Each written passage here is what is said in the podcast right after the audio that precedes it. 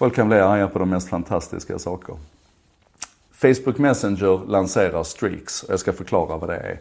Det är en funktion som man har lånat ifrån Snapchat.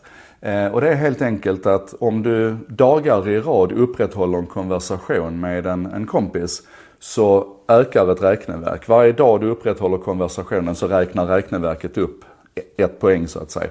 Och du har ett 24 timmars fönster på dig att göra det. Och så länge ni håller konversationen igång så fortsätter räkneverket att räkna upp. Och det kallas för en snapstreak och det är superhett på, på Snapchat. Givetvis så ser Facebook detta, vill attrahera den yngre Snapchat-publiken till sin plattform. Det räcker inte med 1,2 miljarder användare på Facebook Messenger. Och man vill att folk ska hänga där mer och sådär. Så då provar man ju implementera det här. Man kopierar det och folk går i taket fullständigt. Och det gör man då av två skäl. Det ena, eller framförallt av två skäl, de går i taket för allt. Men framförallt av två skäl. Och det ena det är att man tycker att Facebook är en copycat. Alltså att man bara kopierar och plagierar och sådär. Och jag blir så fascinerad, för det är väl inte konstigt? Det finns ett skäl till att alla bilar ser ungefär likadana ut och har ungefär samma features. Det finns ett skäl till att mobiltelefoner har samma funktioner. Är ni med? När du sitter och, och utvecklar en tjänst eller driver ett företag så är det väl klart att du tittar dig omkring på det som andra gör som fungerar och så lyfter du in det. Du försöker förbättra det naturligtvis, du försöker implementera det på ett smartare sätt. Och det är ju så vi bygger på varandras utveckling. Standing on the shoulders of giants brukar det ju heta. Så jag, jag fattar inte varför man blir upprörd över att, att det kopieras. Eh, den, om, om, om det inte bara kopieras, alltså är ni med? Om det inte bara är det man gör, och det gör ju faktiskt inte Facebook, jag tycker de innoverar en hel del. Ehm, och det andra man blir upprörd över det är att man tycker att det här är så banalt. Ehm, vadå streaks liksom? Varför ska man hålla på med sånt? Vad händer med ärligheten och innerligheten i våra konversationer? Och på ett sätt kan jag förstå det. Men problemet är att då har man inte tänkt igenom gamification. Man har inte funderat på vad, vad spelifiering betyder för oss människor. För många av oss i alla fall.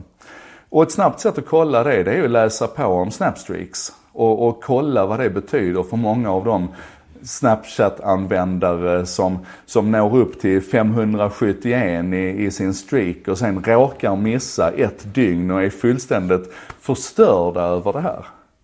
Och det fina med den här spelifieringen som man ägnar sig åt här, det är att man gör den tillsammans. Alltså det bygger ju på att båda parter är med och är engagerade i det här och då är det rätt så fint. Men spelifiering överhuvudtaget är någonting som vi kommer behöva prata mer om. Och det är egentligen när man tar spelmekanismer och så implementerar man dem i andra sammanhang. Det kan vara i, i försäljningssammanhang, det kan vara i utbildningssammanhang. Så tar man alla de här klassiska spelmekanismerna, ni vet med, med, med topplistor och levels och skills och badges och individuella matcher, one-on-one och alla de där koncepten tar man och lyfter över i en annan verksamhet.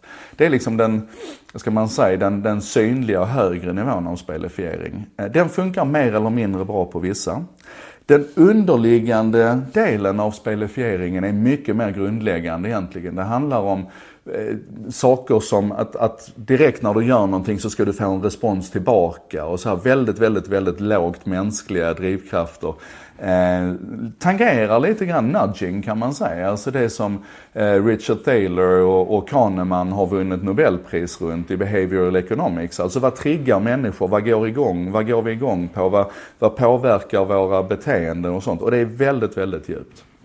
Men om vi fokuserar istället på den här överliggande, eh, den synliga delen av spelifieringen så tror jag att vi behöver fundera ytterligare mycket mer på hur vi kan, hur vi kan implementera det.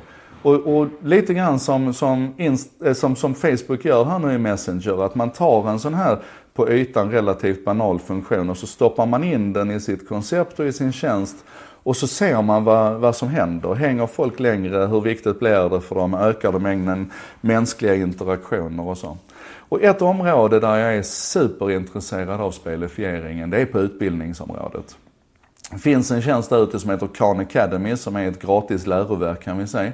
Som har implementerat spelifiering på ett genialiskt sätt in i sin tjänst. Den tycker jag ni bör gå och titta på.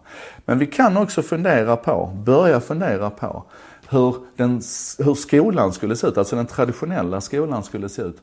Om vi slutade med traditionella betyg och istället införde levels och, och började titta på hur vi kunde spelifiera Ehm, utbildningen. Eh, låt oss åtminstone fundera på det. Och så säger vi tack för idag och att jag är jätteglad att ha rösten tillbaka för det är mysigt att kunna sitta så här och prata med er. Vi ses på måndag.